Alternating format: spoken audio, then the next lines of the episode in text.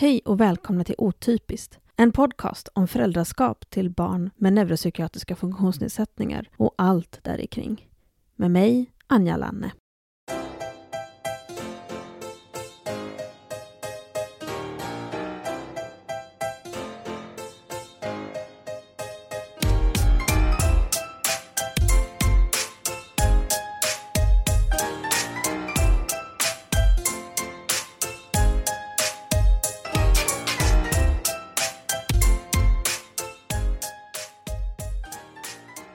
En del av er kanske känner igen min röst från en annan podcast, nämligen Postpatriarkatet, där jag var en frekvent gäst eh, till Lady Damer.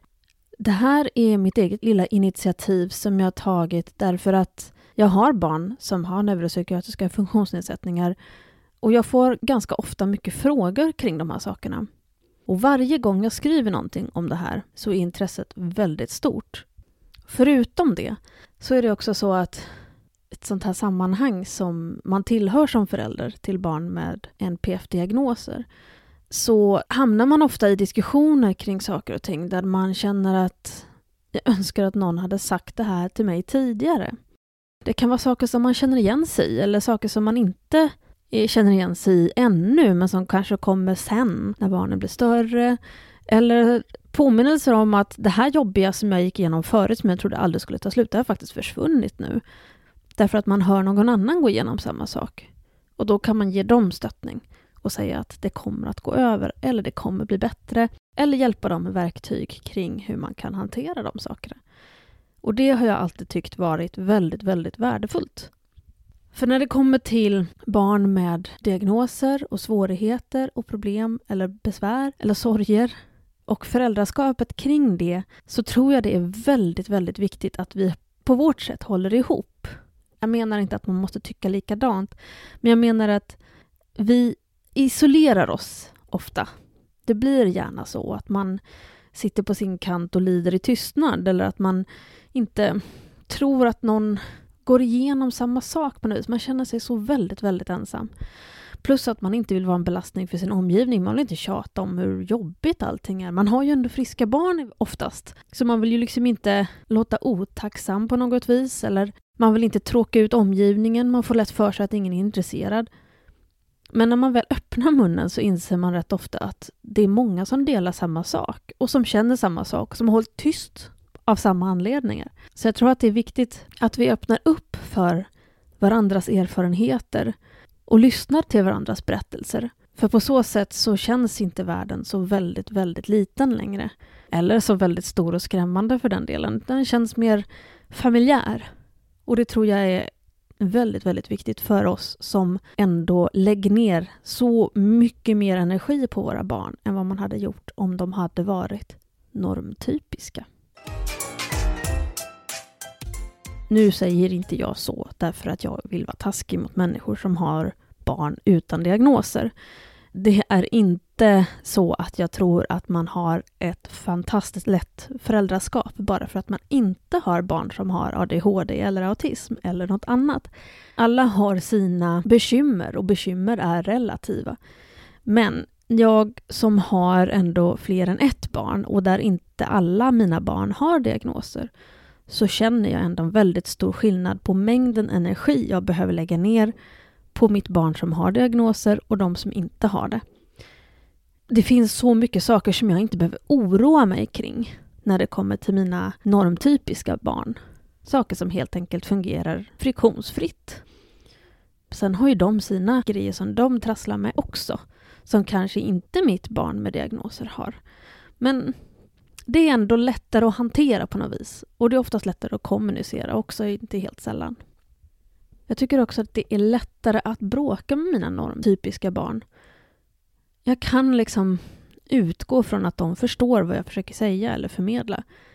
Medan mitt barn som har diagnoser, där måste man lite grann ta med silkeshandskarna ibland och väga sina ord så att man inte tar i för mycket. Eller säger någonting som kan missuppfattas eller säger någonting som inte är tillräckligt rakt. För så är det ju ofta med barn som har diagnoser att man behöver vara ganska bokstavlig i sin kommunikation. Och det är svårt att väga att vara bokstavlig med att inte vara brutal. åtminstone kan det vara det, när man börjar komma upp mot för tonåren och tonåren om man har de här riktiga, riktiga bråken som man normalt sett också skulle ha haft med de normtypiska barnen. Någonting som jag tycker är viktigt att nämna här innan jag fortsätter prata om mina barn, det är att de är medvetna om att jag gör den här podden. Mest känsligt är det ju för mitt barn som har diagnoser och han är jätteokej och faktiskt väldigt, väldigt taggad över att jag gör den här podden. Han tycker det är jättekul att jag vill prata om honom, hur han fungerar, för han känner sig alltid missförstådd. Och han känner aldrig liksom en, en känsla av att han inte vill att vi ska prata om de sakerna som är han. Han tycker inte om när vi pratar om saker som inte fungerar så bra jämfört med andra barn alla gånger. Som han har svårt för utvecklingssamtal och sådana där saker där han känner sig bedömd.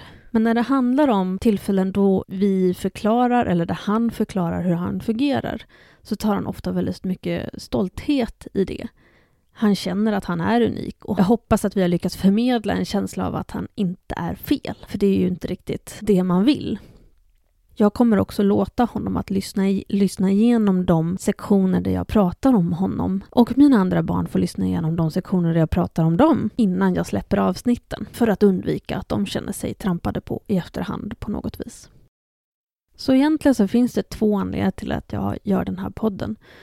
Dels därför att som sagt, jag ofta känner att man har en väldigt stor samhörighet med andra föräldrar kring de här sakerna och att vi behöver prata med varandra.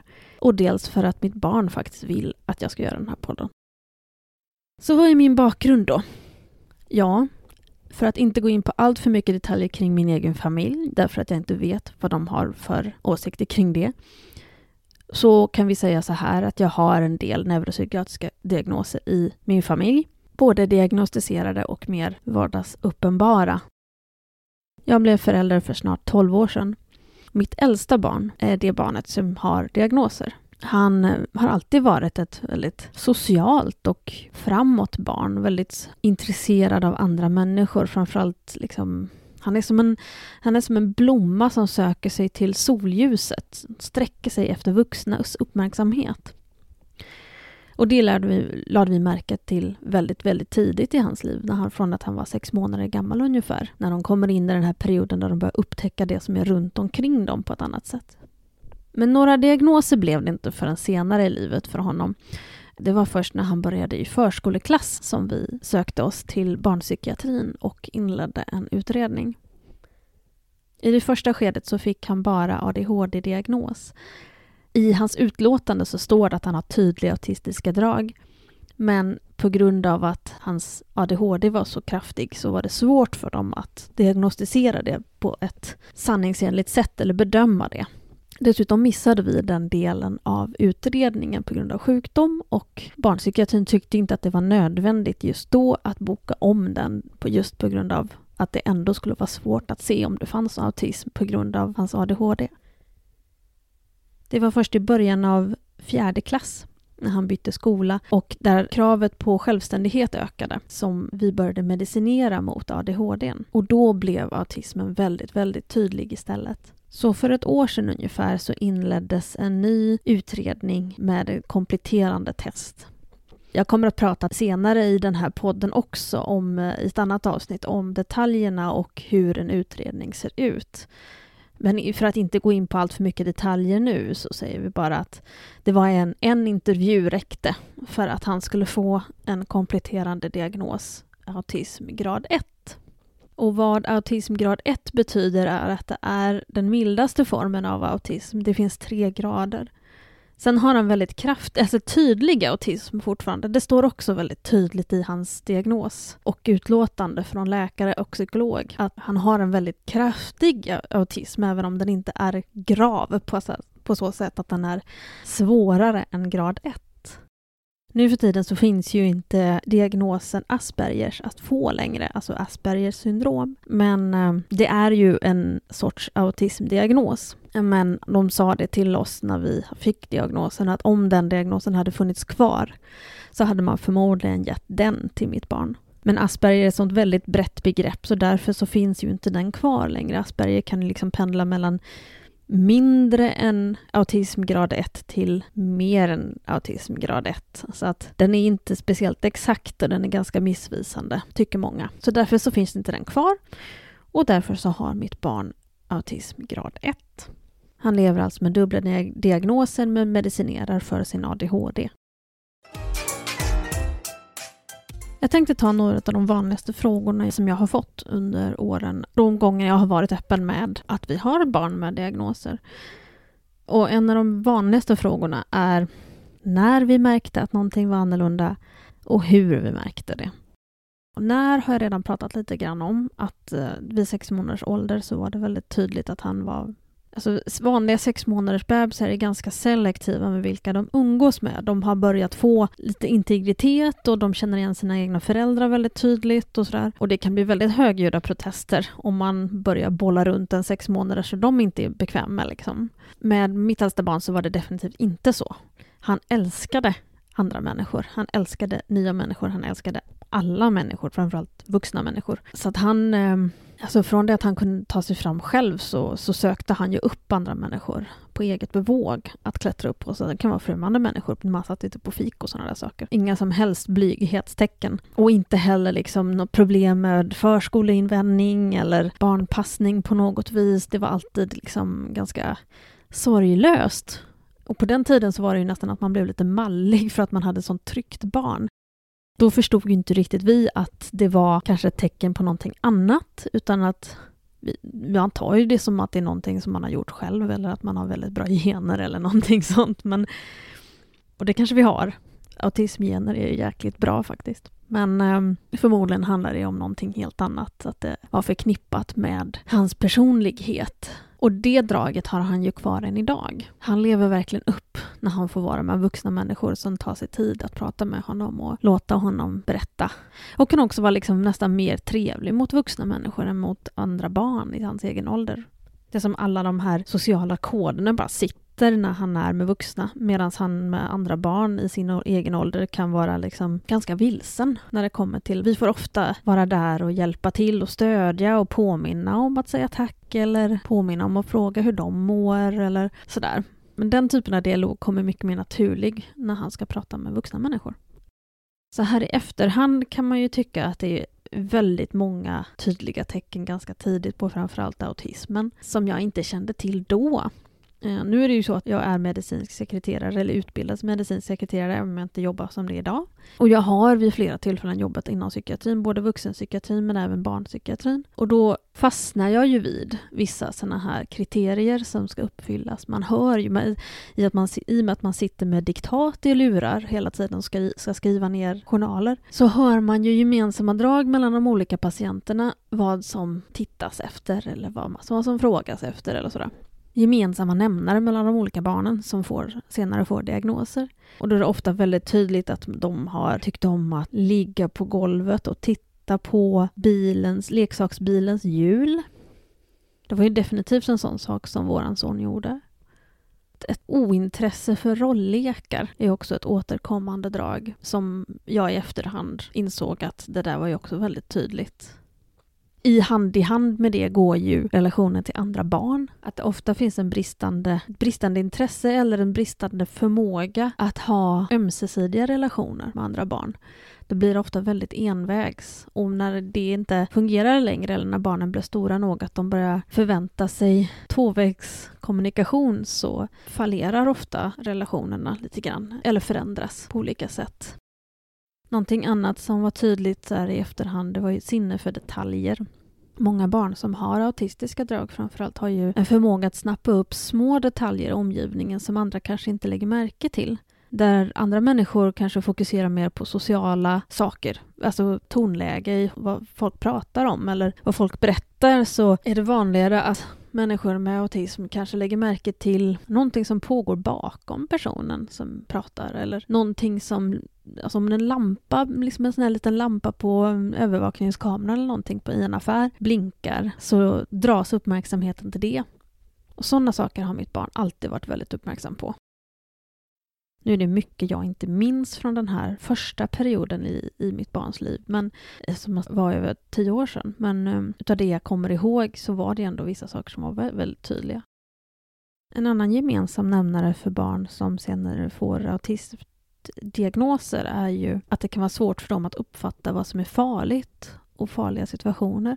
Eller svårt för dem att förstå även när man liksom tar i som förälder och man försöker liksom göra dem rädda om man säger så, eller förmedla att någonting är eh, läskigt eller farligt, så är det väldigt svårt för dem att förstå det till, liksom, till fullo. Åtminstone på, på det sättet som man kanske förväntar sig. Och det var ju väldigt sant för mitt äldsta barn. Han kunde ju gå rakt ut i gatan i ganska hög ålder och kan fortfarande idag vara ganska ouppmärksam på sånt som kan vara farligt runt omkring honom. Och i och med att han inte har den här blyga eller försiktiga eller tillbakadragna ådran om man säger så, så kan han också närma sig personer som kan vara potentiellt farliga. Nu säger inte jag att människor behöver vara farliga, men han kan ju prata med främlingar, totala främlingar, och det spelar ingen roll om den här personen är kraftigt alkoholpåverkad eller om det är en kontrollant på pendeln. Han kan ändå liksom gå fram och närma sig och vara ganska rak och säkert ibland uppfattas som konfronterande om man inte är vid sina sinnes fulla bruk. Och på grund av hans förkärlek för liksom vuxna så har jag ibland också skojat med en allvarlig underton då naturligtvis, att han är lättrövat barn. Det skulle räcka med att en vuxen, åtminstone när han var lite mindre, tog honom i handen och gick. Han hade inte liksom reagerat på negativt på det överhuvudtaget, utan han hade bara sett det positiva i uppmärksamheten. Och även idag kan jag oroa mig ganska mycket för att någonting sånt ska hända, där jag inte behöver oroa mig när det gäller mina andra barn, därför att de är liksom lite mer naturligt misstänksamma mot främlingar, så har inte mitt äldsta barn den känslan för försiktighet alla gånger. Ett annat klassiskt symptom på framförallt autism är ljudkänslighet. Mitt barn har alltid varit väldigt ljudkänslig, tycker det är obehagligt när andra låter mycket. När han var liten så blev han ofta ledsen när andra barn blev ledsna därför att det var så högt så att han tyckte att det gjorde fysiskt ont i öronen. Han höll för öronen och skrek själv och blev upprörd och ledsen. Han kan ha svårt att duscha och sådana där saker av samma anledning. Han tycker att duschen låter för högt, men har absolut inga problem med liksom att bada i timmar istället. Han tycker inte om när dammsugaren är på eller eh, vattenkranen. Han hör den, han går och stänger av den så fort någon är där och borstar tänderna och kanske lämnar den på lite för länge. Så är han där och stänger av den och sådana saker. Det vart ju också väldigt tydligt när han väl började medicinera att han eh, blev ju nästan Alltså det var väldigt mycket från natt till dag, skillnaden i hans ljudkänslighet. Där han tidigare kunde liksom delta i klassammanhangen så gick det plötsligt inte därför han tyckte att varenda litet pennskrap på pennan på papper var liksom skar in i hjärnan på honom. Så därför har han anpassningar idag som gör att han kan klara av sitt arbete, skolarbete bättre. Han har också alltid varit väldigt känslig för konsistenser och haft en känslig kräkreflex som gör att han började äta bitar ganska sent i mat. Det gick liksom inte. Vi, vi började ju normal tid som alla andra liksom, föräldrar till första gångs barn gör och introducera fast föda vid sex månader någon gång. Eller puréer då, naturligtvis inte fast föda, men eh, annan mat än bröstmjölk. Och det var först när han var ett år som han kunde äta barnmat som inte var helt totalt slät, och då menar jag totalt slät, utan att kräkas. Det var först när han var ett år som det började gå att äta bitar överhuvudtaget. Och då även barnmat med bitar i. I efterhand så förstår man ju den grejen mycket mer. Därför att barn med autism, och det fanns ju inte på vår karta då alls. Men barn med autism kan ha väldigt, väldiga problem med konsistenser i maten. Och röror, kladdig mat och sådana där saker. För ett barn som mitt äldsta hade det nog varit bättre med baby-led weaning som är en, en barnmatsmetod om man säger så, där man låter barnet själv styra avvänjningen från amning. Och där man introducerar hela bitar, alltså kokta morotsstavar, små bit, alltså bitar som de kan tugga av själva och styra det.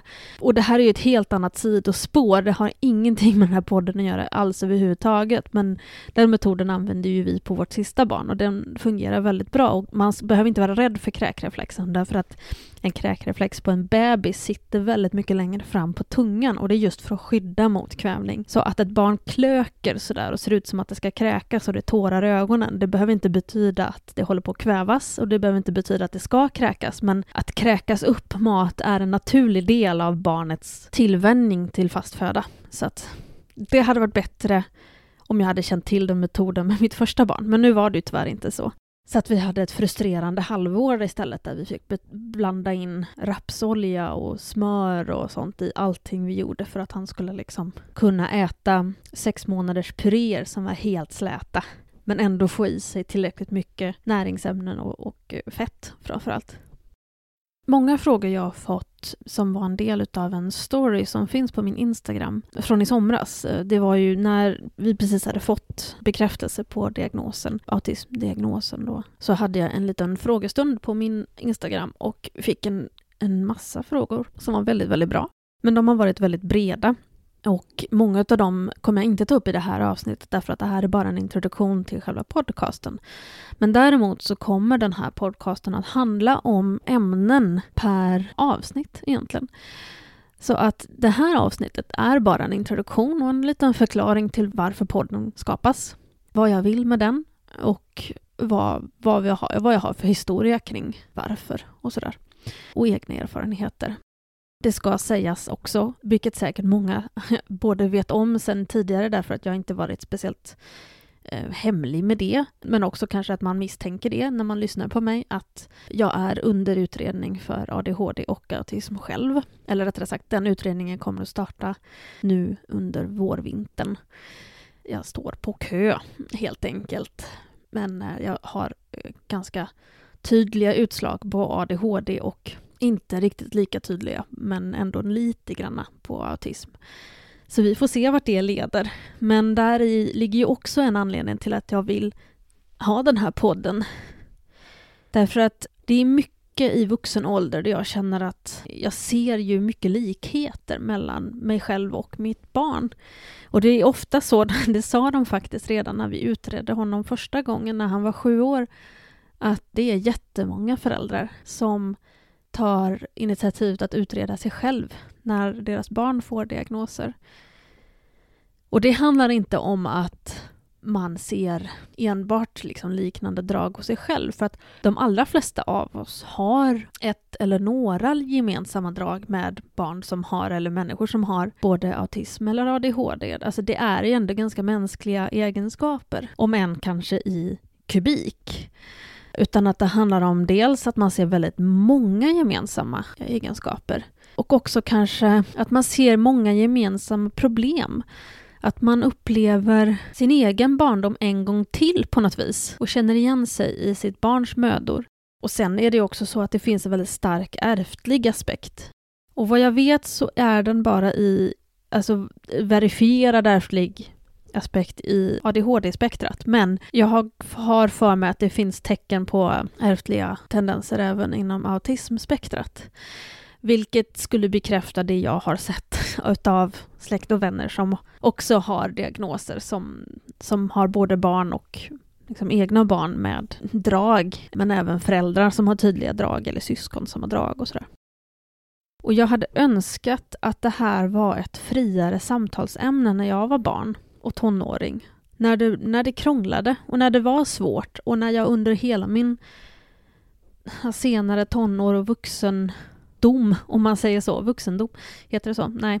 Men i vilket fall som helst har haft problem med vissa saker och känt enorm frustration kring att det inte fungerar för mig som det verkar göra för alla andra så eh, hade det varit skönt att veta att det inte beror på att jag är dum i huvudet och jättelat och har dålig karaktär och bara tänker på mig själv. Utan att det handlar om någonting helt annat. Att vissa saker är helt enkelt svårare för mig att förstå eller uträtta eller klara av eller stå ut med. Men det kommer det också mer om i ett eget avsnitt senare.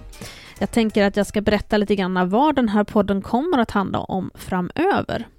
Och några av ämnena som jag vill ta upp i den här podden är barn i skolan, både små och stora barn, anpassningar och hjälpmedel i skola eller hemmiljö, det sociala, vänner, utstötthet, mobbning, det lilla barnet, tecken på autism i tidig ålder, hur vardagen kan se ut, hur relationen till släkten kan vara. En del familjer har turen att ha gott stöd i sin släkt. I andra familjer så är det väldigt tabubelagt och absolut inte någonting man pratar om eller accepterar. Hur gör man när man har fler än ett barn och inte alla har diagnoser? Hur förhåller man sig till syskonen? Ett annat lite svårare ämne som jag tror är viktigt att ta upp det är vad gör man om mamma och pappa inte tycker likadant? Det vill säga om den ena av föräldrarna tycker att det finns tecken på en neuropsykiatrisk funktionsnedsättning och vill initiera en utredning och den andra föräldern inte tycker det. Min förhoppning i den här podden är ju också att jag ska kunna intervjua en rad olika personer. Främst kommer det vara föräldrar som liksom jag delar erfarenheter kring vardag, mödor, glädjeämnen, vinster, förluster, sorg, bearbetning och så vidare. och så vidare. Men också med vuxna som har olika diagnoser, framförallt neuropsykiatriska diagnoser. Med lärare vill jag prata, med specialpedagoger både i och utanför skolan. Assistenter kanske också i skolan kan vara värt, elevassistenter. Jag hoppas också kunna prata kanske med några professionella, det vill säga psykologer och eller läkare som utreder barn. Och jag jag hoppas också att jag ska få tillfälle att prata med några barn i den här podden. Därför att det är ju ändå om dem allt det här handlar om. Och det är ju ändå för dem vi jobbar. I den här podden kommer jag genomgripande med att använda mig utav begreppet neuropsykiatriska funktionsnedsättningar, eller NPF. Och anledningen till det är att det fortfarande heter så inom vården. Vården har ju en tendens att återuppfinna hjulet ett gäng gånger när det kommer till begrepp och diagnoser och vi tar fäste vid det som finns nu för att undvika förvirring. Jag vet att det finns människor som inte vill kalla sina neuropsykiatriska funktionsnedsättningar för just nedsättningar utan man vill kalla det för neuropsykiatriska funktionsvarianter istället, eller variationer. Och det är helt upp till dig vad du vill kalla din diagnos. Men jag kommer att förhålla mig till det här med ja, vårdens termer om man säger så. Dels för att, som sagt, vården ändå har de här termerna, men också för att det är för många i det här samhället känns som nedsättningar. Många upplever sig vara funktionsnedsatta. I ett samhälle som är gjort för människor utan några hörn så har de kanter överallt och passar inte in där den där runda klossen ska in. Men som sagt, jag respekterar allas rätt att kalla deras egna diagnoser och deras egna funktioner för vad de vill. Det här handlar bara om för enkelhetens skull och för att inte spä på förvirring. I begreppet NPF, eller neuropsykiatriska funktionsnedsättningar, så ryms fem diagnoser. De diagnoserna är ADHD, ADD som är en form av ADHD men utan hyperaktivitet, autismspektrumstörningar, språkstörning och Tourettes syndrom. En diagnos som inte ryms inom NPF-spektrat är OCD eller tvångssyndrom. Men eftersom många barn och vuxna med autism får problem med OCD så kommer jag ta upp även detta ämne lite grann i podden. Jag vill avsluta med att hälsa er välkomna till den här podcasten. Min ambition är att släppa två avsnitt i månaden, alltså varannan vecka. Och är det så att ni har någonting som ni vill förmedla till mig, till någon av mina gäster, förslag på ämnen, förslag på gäster eller något annat som ni känner att ni vill bemöta, så får ni gärna höra av er till poddens Instagram, snabela otypiskt på Instagram. Och nu har det här avsnittet kommit till sitt slut.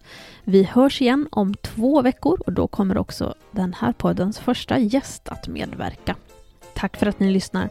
Hej då!